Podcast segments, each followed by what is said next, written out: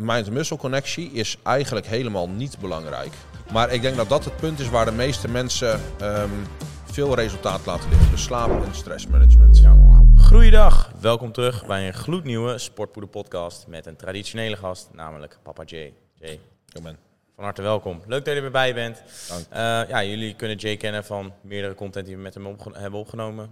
Zeer veel podcasts ook al, waar eh, heel veel informatieve content op staat. En vandaag... Eikel die eh, loopt zeiken over slaap en alcohol elke keer. Vooral die slaap en alcohol, hè, die doen het heel goed. Nee, ja, eh, we, we gaan vandaag een informatieve podcast weer doen met jou. Eh zal denk ik rond een half uurtje duren ongeveer. En we gaan het vandaag hebben over het optimaliseren van trainen. Mhm. Omdat, nou ja, dat heeft natuurlijk ook een beetje te maken met intensiteit. Maar gewoon überhaupt de hele gym-achtige experience. Ja. En eh, nou ja, ik denk dat heel, veel gedeel, heel groot gedeelte van de gym eh, niet eh, optimaal traint. Hmm. Wat zijn voor jou de, de, de basispunten om eh, optimaal te kunnen trainen? Ja, dat wordt echt een, een beetje een herhaling. Maar ehm, eh, laat ik dan gelijk slaap maar even aftikken. Dan hebben we het daar vast over gehad. Voordat mensen weer boos worden. Ja. Nou ja, Voordat het ook weer uit context getrokken wordt. Ja. Hij bedoelt daarmee voor mensen die aan krachttraining willen doen en optimaal resultaat Precies, willen dat- behalen. Dus zwaar trainen, dus ook goed moeten herstellen. Hebben 8 tot 9 uur slaap minimaal nodig. Ja, en nou ja, dat is dus ook inderdaad de vraag die jij stelt. Jij vraagt nu wat optimaal is of wat maximaal is. En de antwoorden die voor dat soort mensen gelden zijn natuurlijk anders dan mensen die teren. gewoon maar wel wat resultaat willen. Eh, kijk, weet je, als jij, eh weet ik veel, zes uur per nacht slaapt, boek je dan progressie? Ja, waarschijnlijk wel. Maar als ik nu van de acht uur die ik nu pak, negen uur die ik nu pak, terug ga naar zes uur, gaat me dat resultaat kosten? Waarschijnlijk wel.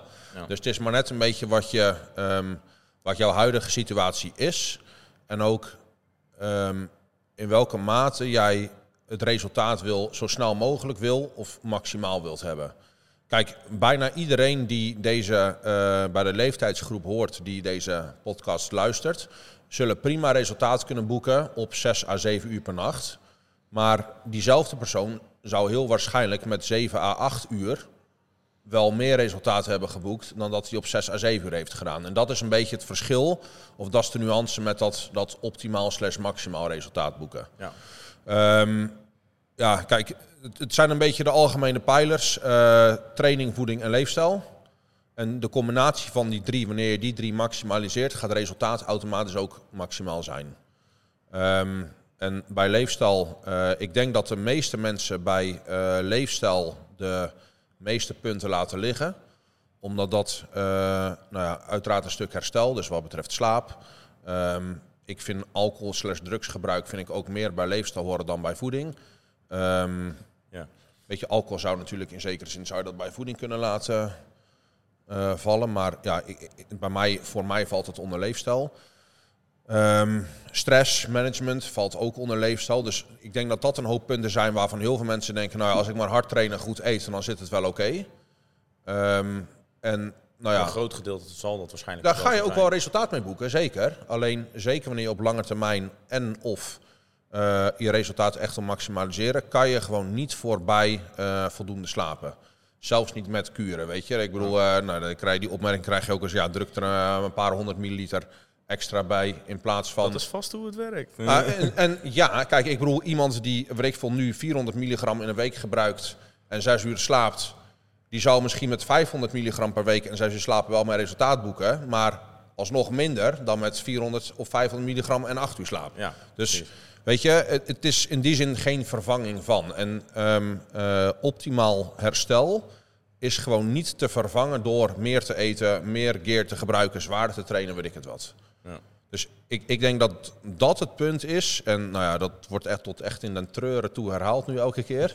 maar ik denk dat dat het punt is waar de meeste mensen ehm, veel resultaat laten liggen. Dus slaap en stressmanagement. Ja.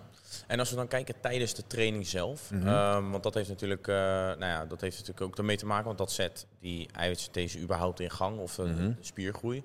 Eh, wat zijn voor jou belangrijke componenten tijdens het trainen om optimaal te kunnen presteren? Ehm, ja, ik ehm, heb dan natuurlijk, eh, weet je, die, die, we hebben natuurlijk die seminar bij Sportpoeder Meet, hebben we het er ook een klein beetje over gehad. Die eh, kunnen mensen op YouTube kijken als ze het leuk vinden. Ja. Ehm moeten ze doen. En gelijk abonneren, jongens. Ook, eh, ook dat doen, ja. En weet je, ik heb, ik heb ook nog een andere seminar op mijn website staan die hier ook een stuk over gaat. Maar waar een goede training... ehm, Welke seminar is dat? seminar nummer 1, die uh, spiergroei optimaliseren. Daar, daar gaat, is een twee uur lang over dit onderwerp. Ja.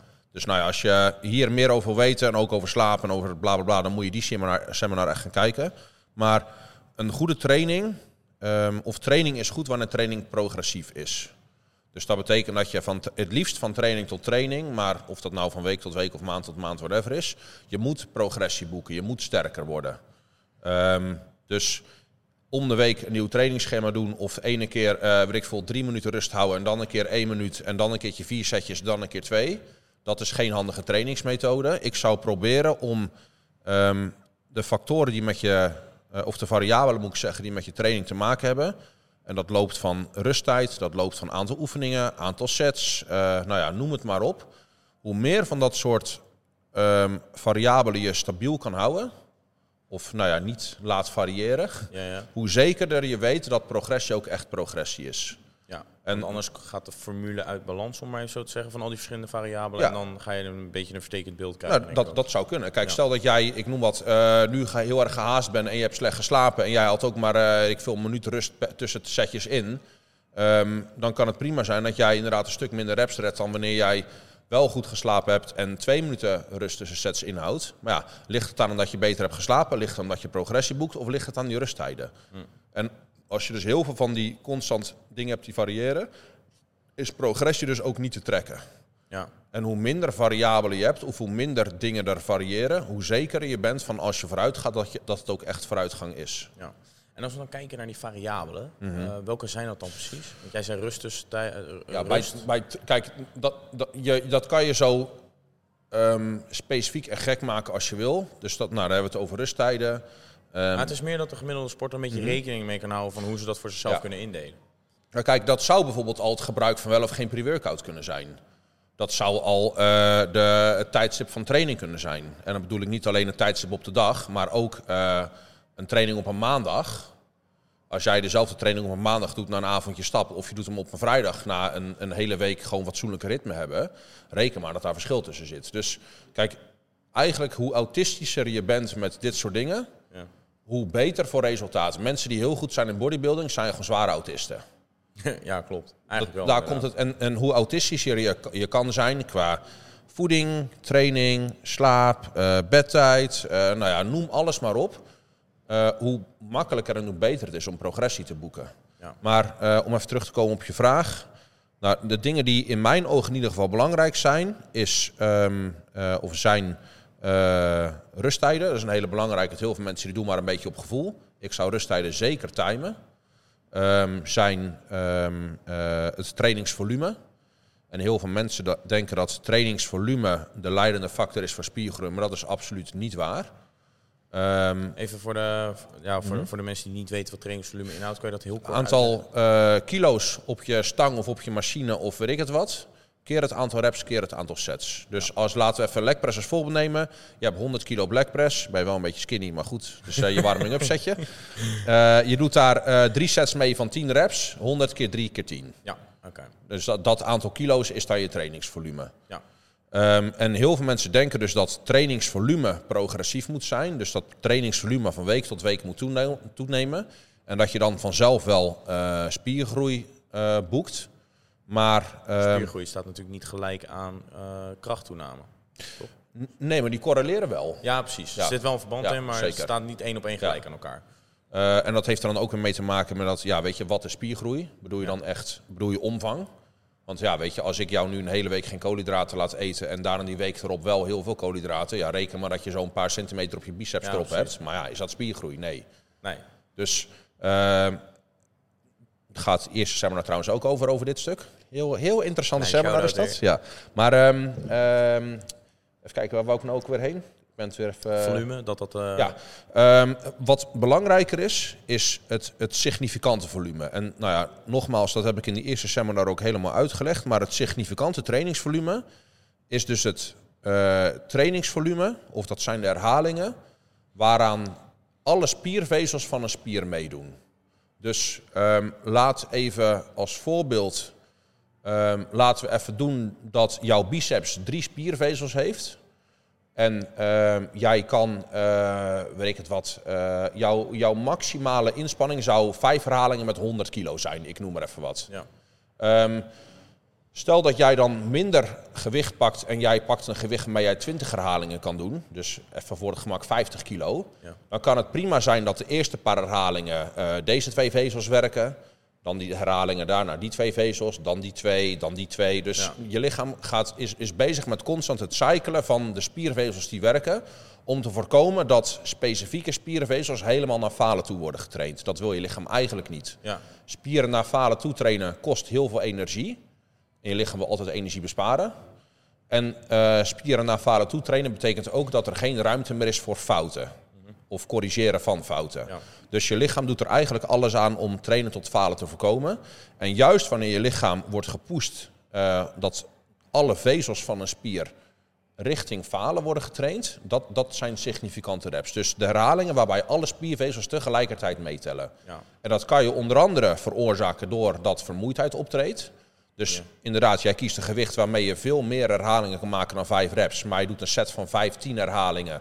Nou, dan zal herhaling, weet ik veel, 11, 12, 13, 14, 15... zullen ze alsnog alle drie tegelijk moeten werken. Want ze zijn helemaal uitgeput. En dat zijn die laatste paar reps die dan Ja. zorgen voor spiergroei, Ja, zoals ze dat ja, altijd zeggen. juist. De rest is warming-up. Ja, ja, eigenlijk De rest van je herhalingen zijn warming-up... totdat alle vezels meewerken. Dat interval, om maar even zo te zeggen, Mhm. dat zou je dan eigenlijk kunnen bestempelen als intensief. Ja, dat is in principe... Ja, of significant volume ja, noem je dat dan. op ja. intensiteit trainen. Ja. En, en het- de hoeveelheid eh, van dat significante volume, dat is het trainingsvolume dat interessant is om te loggen. Maar dat is natuurlijk heel lastig om. Dus bij, bij proxy al- als eh, nou ja, benadering van log je daar je totale trainingsvolume, want dat is veel makkelijker tellen. Het is natuurlijk onmogelijk om te weten wanneer welke spiervezels meewerken en wanneer er ja. dus dat is niet te doen. Dus je telt alsnog je totale trainingsvolume. Maar weet wel dat ehm, dat trainingsvolume wel van een bepaalde intensiteit moet zijn om groei af te dwingen. Oké. Ehm, dat is dan het onderdeel intensiteit. Mhm. Ehm, ik denk dat dat ook een van de belangrijkste onderdelen is om spiergroei Ja. aan te zetten. Want anders kan je alsnog bulken, maar Ja. schiet je er nog bijna niks meer op Ja. als er geen spiergroei gerealiseerd je, je wordt. lichaam wil, zoals ik net zei, energie besparen. Is eigenlijk alles waar jouw lichaam constant mee bezig is. Alles wat jouw lichaam doet, is om energie te besparen. Ehm, of ja, bijna alles moet ik zeggen. Maar dus jouw lichaam zal ehm, alleen nieuwe spiermassa aanzetten als die nieuwe spiermassa voor energiebesparing in de toekomst zorgt. En dat kan dus alleen als jij dus inderdaad jouw spieren tot falen of in de buurt van falen traint. Zoals ik net zei, jouw lichaam wil helemaal niet dicht naar falen toe. Want dicht bij falen trainen kost exponentieel meer energie dan ver bij falen wegblijven. Dus op het moment dat jij ehm, eh, in de buurt van falen traint, dan zou jouw lichaam, als je dat maar vaak genoeg doet, nieuwe spiermassa aanzetten om ervoor te zorgen dat diezelfde belasting niet meer zo dicht bij falen is, zodat daar op langere termijn energie mee bespaard wordt. Ja. Oké. Dus eh, het, het aanzetten van nieuw spierweefsel en dat soort dingen heeft, ehm, wordt in principe alleen gedaan om te zorgen dat energie in de toekomst wordt bespaard. Je lichaam wil nooit energie uitgeven als daar niet iets voor terugkomt. Oké, duidelijk. Ehm, nou ja, dat is dus hoe je het trainen kan optimaliseren. Of in ieder geval optimaal kan trainen. Dat is eigenlijk wat dat Mhm. inhoudt. Ehm, als we dan gaan kijken naar tijdens de workout zelf. Want eh, er zijn natuurlijk een hoop eh, externe factoren die ook een rol spelen Ja. in die nou, formule voor jezelf, om maar zo te zeggen. Ehm, ik heb bijvoorbeeld voor mezelf opgeschreven de rust tussen de sets door. Mhm.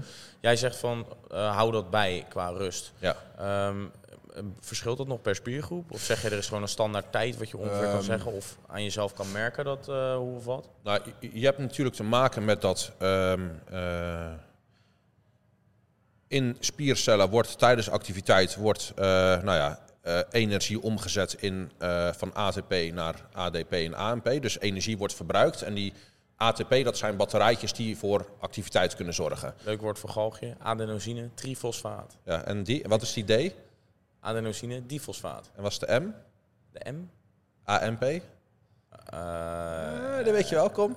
Adenosine, mifosfaat. Nee, mono. Ja. Oh, mono. Oh, Ja. mono. Oh ja, tuurlijk. Mono. Maar ja, goed. Die, die. Juist, Ja, juist. oké. ja, logisch. Maar ehm, eh, kijk, eh, eigenlijk, uh, wanneer er een fosfaatmolecuul wordt afgesplitst van dat, dat hele molecuul, komt er energie vrij. En dat is dus, zo werken die batterijtjes. En voeding en creatine, weet ik het wat, wordt dan weer gebruikt om AMP naar ADP op te laden. Of ADP naar ATP op te laden. En dan is het batterijtje weer vol en dan kan het weer gebruikt worden. Ja, daarom is creatine dus nuttig om te suppleren, omdat je daardoor... Uh, we hadden trouwens nog één kijkersvraag, even snel tussendoor. Mm Creatine, dat houdt vocht vast. Maar wat, uh, dat is vocht in de spieren, toch? Ja. Dat is niet iets uh, vocht. Niet slecht, uh, nee, nee. nee. Net als dat koolhydraten houden ook vocht vast in spieren. Het is gewoon gratis massa voor het oog. Ja. Dus daar hoef je niet bang voor te zijn. Ja. Um, even kijken. Dus um, uh, wanneer spieren energie verbruiken, wordt ATP verbruikt. En nou, er komt er dus meer ADP en of AMP in spieren vrij. Mm -hmm. Daarna heb je dus een rusttijd nodig. En tijdens die rusttijd um, nou ja, wordt dat ATP-batterijtje weer opgeladen. Uh, en dat betekent dus dat, nou ja, je hebt dus te maken met dat dat lokaal gebeurt, dus dat gebeurt in de spier zelf. Ja. Maar je hebt ook te maken met uh, uh, hart-longcapaciteit. Want die dus, spieren moeten ook voorzien worden van, de bloed moet worden rondgepompt, die spieren moeten worden voorzien van zuurstof en afvalstoffen moeten worden afgevoerd. Ja, dus eigenlijk je cardiovasculaire conditie. Juist. En dat is dus... Uh, ook wel van belang. Dus voor een goede ja. leg day heb je goede nou, Exact. En dat is dus waar ik, waar ik heen wou. Dus jij vroeg of je bij verschillende oefeningen verschillende rusttijden nodig hebt. Um, kijk, kleinere spieren uh, stroomt natuurlijk minder bloed heen, maar ook minder grote bloedvaten. En er gaan ook minder grote bloedvaten, weet ik wat, uit. Dus um, of je nou echt per se kan zeggen dat een kleine spier per definitie minder rust of hersteltijd nodig hebt, lokaal gezien in de spier zelf, weet ik niet. Maar reken maar dat jij uh, een setje biceps tot falen, omdat je pre-circle aan het doen bent, cardiovasculair een heel stuk minder zwaar is dan een set leg curls tot falen. Of leg extensions tot falen. Zeker. En uh, dus daarin um, zou ik um, qua rusttijden, kijk een beetje wat voor jou handig is, kijk wat voor jou uitkomt. Uh, maar bepaal dan wat de rusttijd is die jij gaat hanteren voor een bepaalde spiergroep of oefening tijdens het aankomende blok. En hou die rusttijd gelijk het hele aankomende blok. Ja, dus dat de rust wel constant gelijk is Juist. voor jezelf. Ja. Voordat we doorgaan met dit interview wil ik graag onze partner bedanken, namelijk MyProtein. MyProtein biedt namelijk vaak hoge kortingen op eiwitten en pre-workout. De Alpha pre-workout van MyProtein is ook een van de meest favoriete uit de community. Ook omdat hij qua prijs- en kwaliteitsverhouding heel goed is. De ingrediënten die erin zitten zijn allemaal op wetenschappelijke hoeveelheden gebaseerd. Wil je MyProtein nou ook een keertje uitproberen? Kijk dan even in onze app of klik op de link via de website. Mocht je de app nou nog niet hebben, download hem dan eventjes, want dan ben je altijd op de hoogte van de lekkerste kortingen. Daarnaast wil ik MyProtein bedanken voor het sponsoren van deze aflevering en voor het mede mogelijk maken, zodat wij jullie deze gratis content kunnen aanbieden. Geniet lekker verder van de aflevering. Uh, nou ja, dan hebben we in principe trainen en de rust. Dan hebben we natuurlijk nog andere externe factoren. Um, nou ja, telefoon. ja. Doe hem weg, uh, denk ik. Hebben we ook een keertje een, ja. We hebben het inderdaad ook al een keer eerder over gehad. algemene tips. Je kan hem tegenwoordig op trainfunctie zetten. Zet hem op vliegtuigstand. daarbij, mocht je hem nodig hebben voor muziek, download het. Ja. Um, mocht je hem nodig hebben voor het loggen, wat denk ik ook een goede is. Schriftje. Schriftje inderdaad. Is, ja, dat is precies kijk, waar we dus net in dat eerste stapje over hadden. Um, het, het, het bijhouden van trainingsvolume, van significant volume is belangrijk.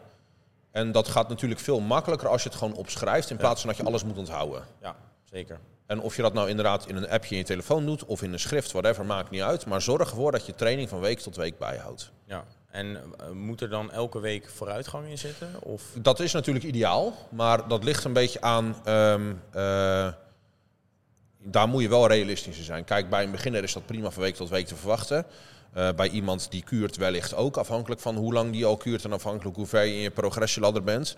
Maar uh, iemand die in een calorietekort zit, zou dat natuurlijk veel minder makkelijk kunnen verwachten dan iemand in een overschot. Ja. En als jij, uh, weet ik veel, net een fucking kind hebt gehad, ik noem maar wat, en jij hebt nachten van vijf uur die ook nog eens gebroken zijn, kan natuurlijk veel minder makkelijk verwachten dat je progressie boekt dan iemand die netjes negen uur per nacht slaapt. Ja. Dus um, je hebt daarmee, uh, ja, het is wenselijk dat je van week tot week progressie boekt. Maar wees er wel realistisch in. En als dat van maand tot maand is, kan het alsnog prima tot progressie leiden. Ja. Oké. Okay. Uh, nou ja, loggen is dus ook belangrijk om juist die eh, significante volume Mhm. te tracen of te tracken, om Ja. maar zo te zeggen. Ehm, verder, eh, ben jij zelf voorstander van eh, bijvoorbeeld dingen wat je training zou kunnen bevorderen, waardoor je dus wel tot intensiteit eh, traint, zoals muziek of een stimulant als Ehm, pre-workout? Ja, ik, ehm, ik hoor wel eens voorbij komen dat mensen het graag op eigen kracht willen doen. Ik vind dat echt Moeilijk. bullshit. Moeilijk. Ik heb daar wel eens ehm, eh, iemand zelfs horen zeggen dat hij tijdens een training niet drinkt, omdat hij het op eigen kracht wil doen. Je, allemaal, dus ja, waar trek je dan de grens? Maar eh, laat maar zitten. Ehm, maar nee, kijk, al- als inderdaad muziek ervoor kan zorgen dat je lekker in je focus zit en lekker in je flow zit en pre-workout en weet ik het wat net zo, ehm, helemaal prima. Eh, zeker als dat leidt tot een, eh, nou ja, een, een hogere output en dus meer significant volume. Alleen waar je natuurlijk ook rekening mee hebt te houden, ehm, je moet daarna ook weer herstellen. En zeker met gebruik van pre-workout, zeker voor de mensen die na hun avondeten trainen. Ja, het kan prima zijn dat eh, in, in dat tijdsblok van dat uur gezien, dat die pre-workout er inderdaad voor zorgt dat jij tijdens die training iets meer doet dan je zonder had gedaan. Maar als betekent dat in dat blok na die training tot en met de volgende ochtend jouw slaapkwaliteit eh, heel slecht is, dan gaat dat extra stukje intensiteit zeker niet opwegen Ja. tegen het verminderde stuk aan herstel. Ja. Want dan gaat het eh, ten koste van het ander. Ja. En, Ehm, en dat is dus, kijk, dat is een beetje het lastige aan, ehm, eh, aan biologie. Ehm, kijk, je, kan wel aan, ergens aan een draaiknopje, wat, die kan je wat verder opendraaien. Maar je hebt een bord met 100 knoppen voor je. En je draait ergens een knopje open. En, en dan zie je tegelijkertijd 20 andere knopjes een beetje verder, een beetje terugdraaien, Ja. weet ik het wel. Dus je weet, je weet nooit van tevoren, of je, je kan niet zeggen dat eh, je alleen iets toevoegt of alleen iets weghaalt. Het heeft altijd ook invloed op een hele hoop andere dingen. Oké, ehm, maar eh, als we het dan over pre-workout hebben, dan hebben we Mhm. het over een pre-blend natuurlijk. Dat is Mhm. op voorhand, is dat, zijn dat meerdere ingrediënten bij elkaar gestopt. Het grootste probleem is dan neem ik aan de cafeïne, toch? Ja, of andere stimulanten. Eh, zoals? Eh, je hebt voor mij die theobromine of zo heet dat toch, dat spul? Of nee, wacht, zat dat in... Misschien verboden. Nee, nee, nee.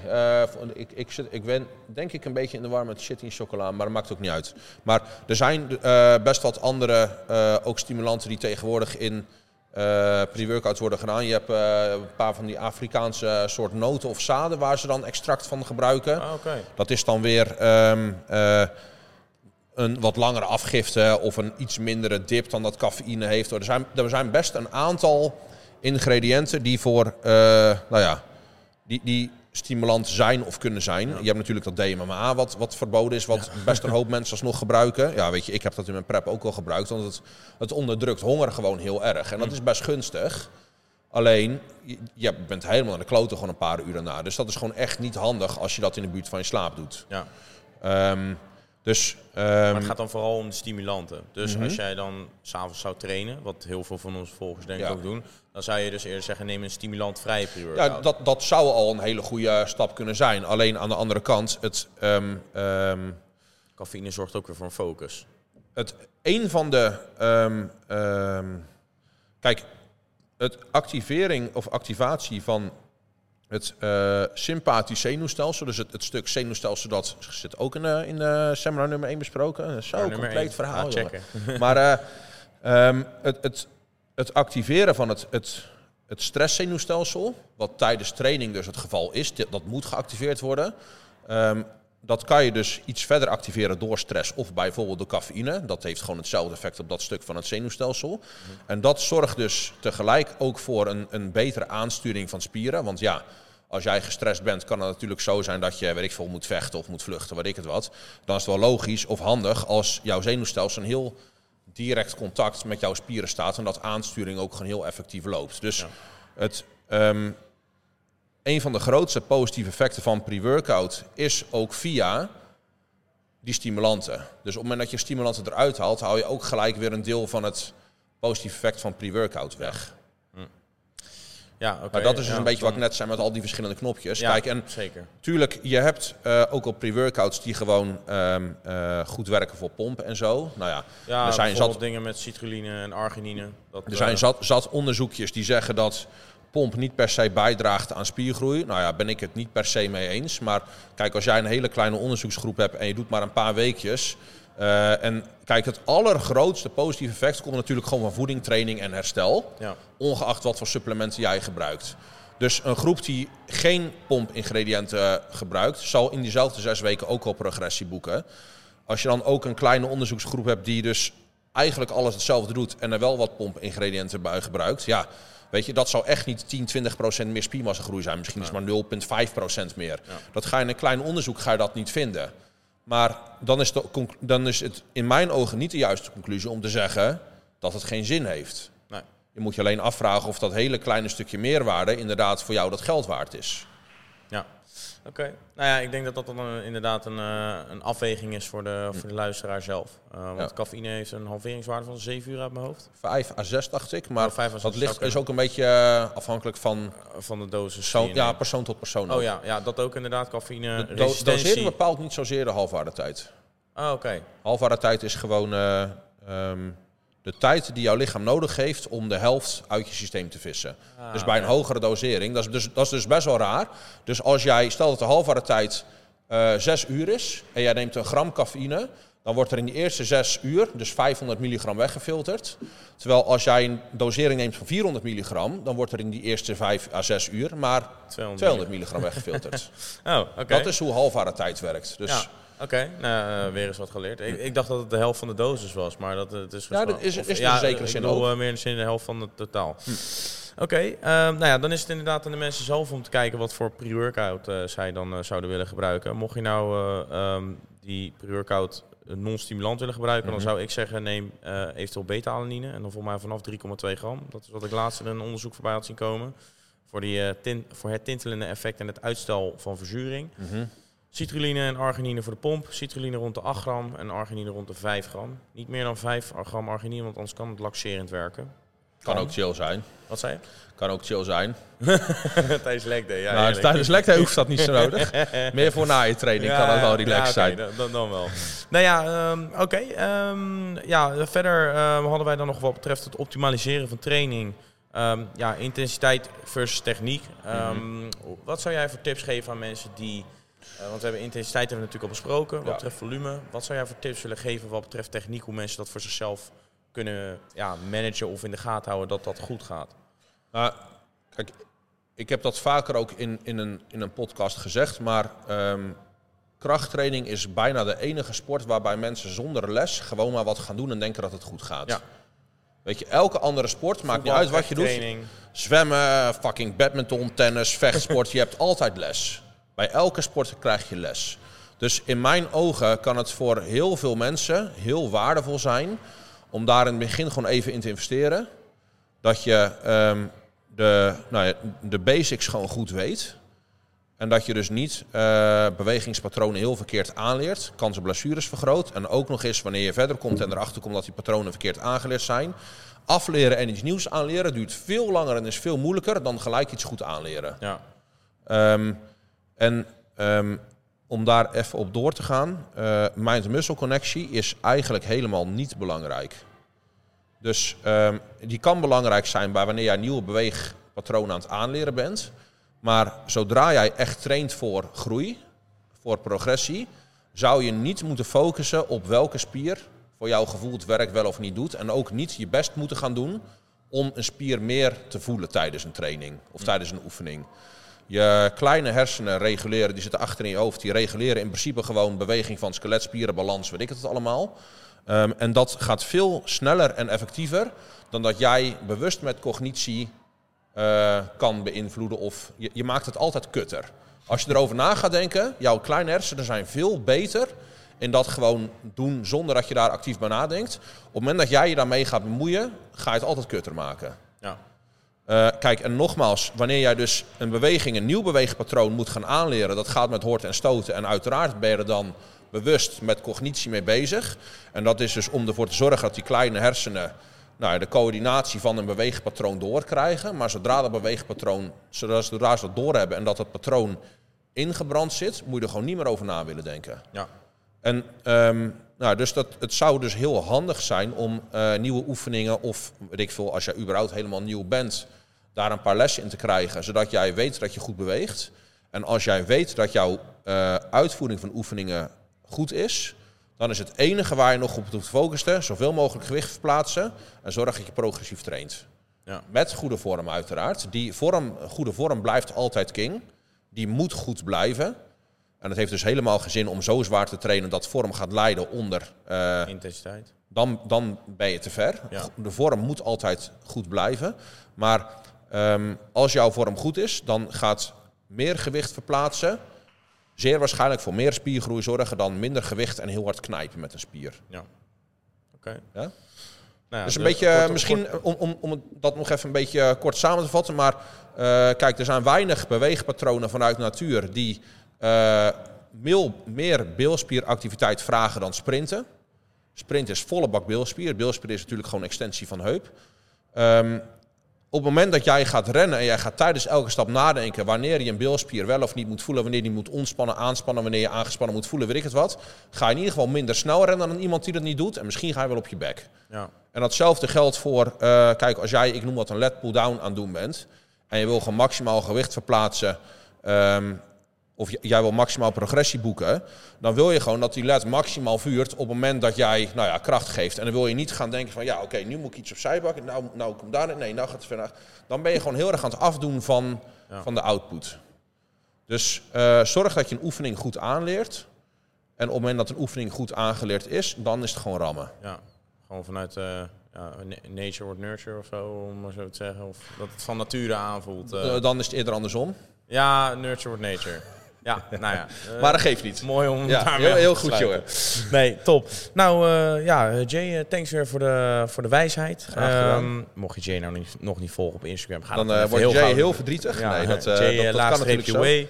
Eh, voor, alle, on- eh, voor alle ongefilterde meningen. Er zijn ook een hoop mensen die eh, er niet zo goed op gaan, blijkbaar. Maar dat ah ja, hey, kan daar niet iedereen's vriend zijn. Hè? Nee, nee, zeker waar. Nee, ik wil je in ieder geval weer hartelijk Ja. bedanken voor je aanwezigheid in de podcast. Ehm, vond je dit nou tof? Laat even een blauw duimpje achter op YouTube. Klik op die prachtige abonneerknop. En ben je nou aan het luisteren via Spotify? Gooi even vijf sterretjes op Red en Jay. Worden wij ook weer heel gelukkig van. Thanks en tot de volgende keer weer. Ciao! Hey, thanks voor het afkijken van deze aflevering. MyProtein bedankt voor het sponsoren en mede mogelijk maken van deze aflevering. Check ook gelijk eventjes de Sportpoeder app voor een verhoogde korting bij MyProtein.